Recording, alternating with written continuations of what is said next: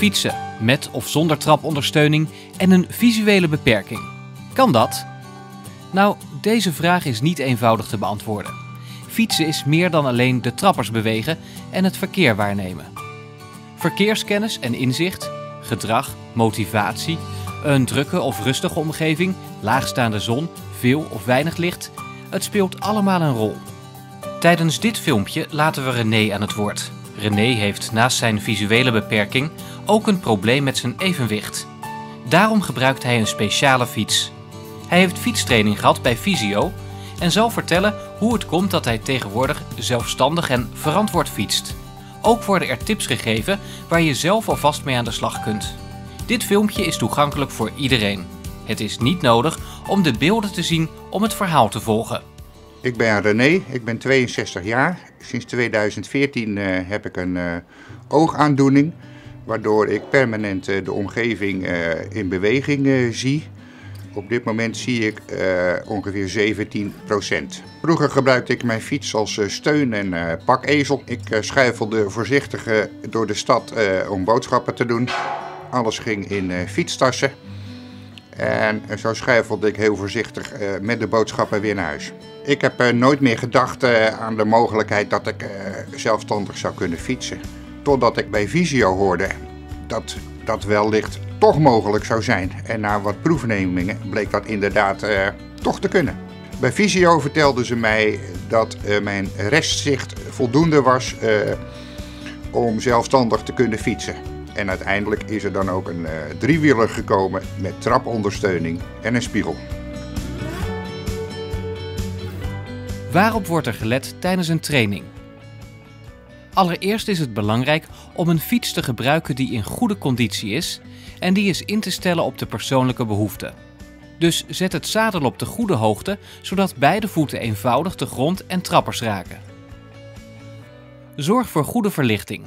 Niet alleen om zichtbaar te zijn voor anderen, maar ook voor jezelf om de weg beter te zien.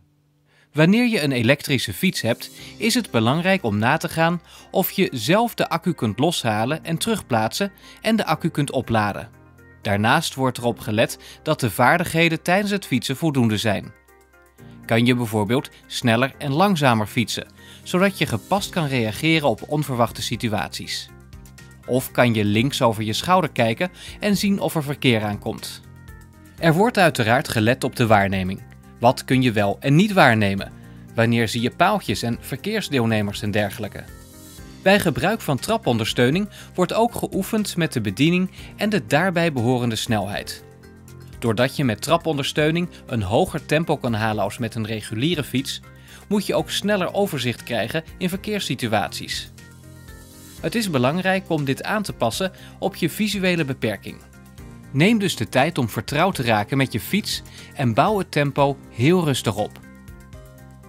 En natuurlijk wordt ook de aanwezige verkeerskennis doorgenomen.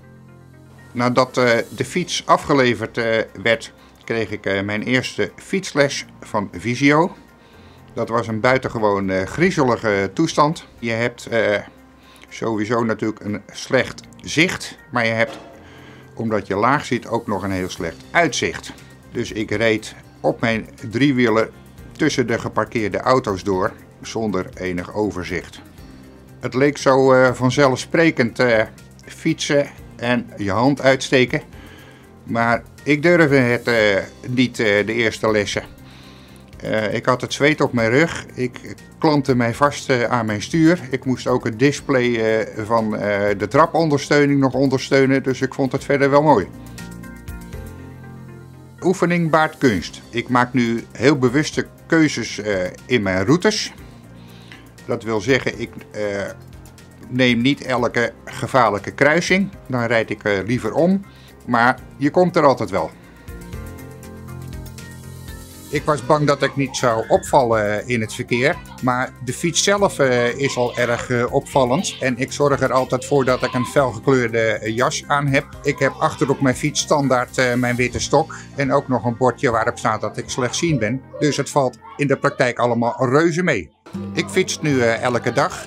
Natuurlijk uh, voor de normale zaken, de boodschappen doen, uh, uh, naar de dokter. helemaal los daarvan fiets ik ook minstens nog een uur per dag puur voor, voor mijn lol.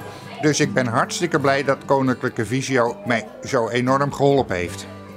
Waar kan je nog meer op letten om de veiligheid te vergroten? Denk aan een fietshelm of opvallende kleding. Als het achterom kijken niet meer zo soepel gaat, dan kan een spiegel een optie zijn. Kies waar mogelijk voor oversteken met stoplichten. Steek zo nodig lopend over. Hou rekening met weersomstandigheden en gebruik je zonnebril of pet. Kies voor rustige tijdstippen en vermijd onoverzichtelijke situaties. Kies een andere route. De kortste route is niet altijd de veiligste. En dan tot slot. Hoe zit het met de aansprakelijkheid als je gaat fietsen met een visuele beperking? Er gelden geen wettelijke minimale eisen om te mogen fietsen met een visuele beperking. Mocht je helaas bij een ongeluk betrokken raken, wordt eventueel door de politie of desnoods een rechter gekeken of er sprake is van gevaarlijk of hinderlijk weggedrag. Het is aan jou om te bepalen of jij in staat bent om veilig deel te nemen aan het verkeer en geen gevaar vormt voor jezelf en anderen. Je hoeft dit niet alleen te doen, want Visio kan advies of training geven om deelname aan het verkeer mogelijk te maken. Dus als je vragen hebt over fietsen, neem contact op.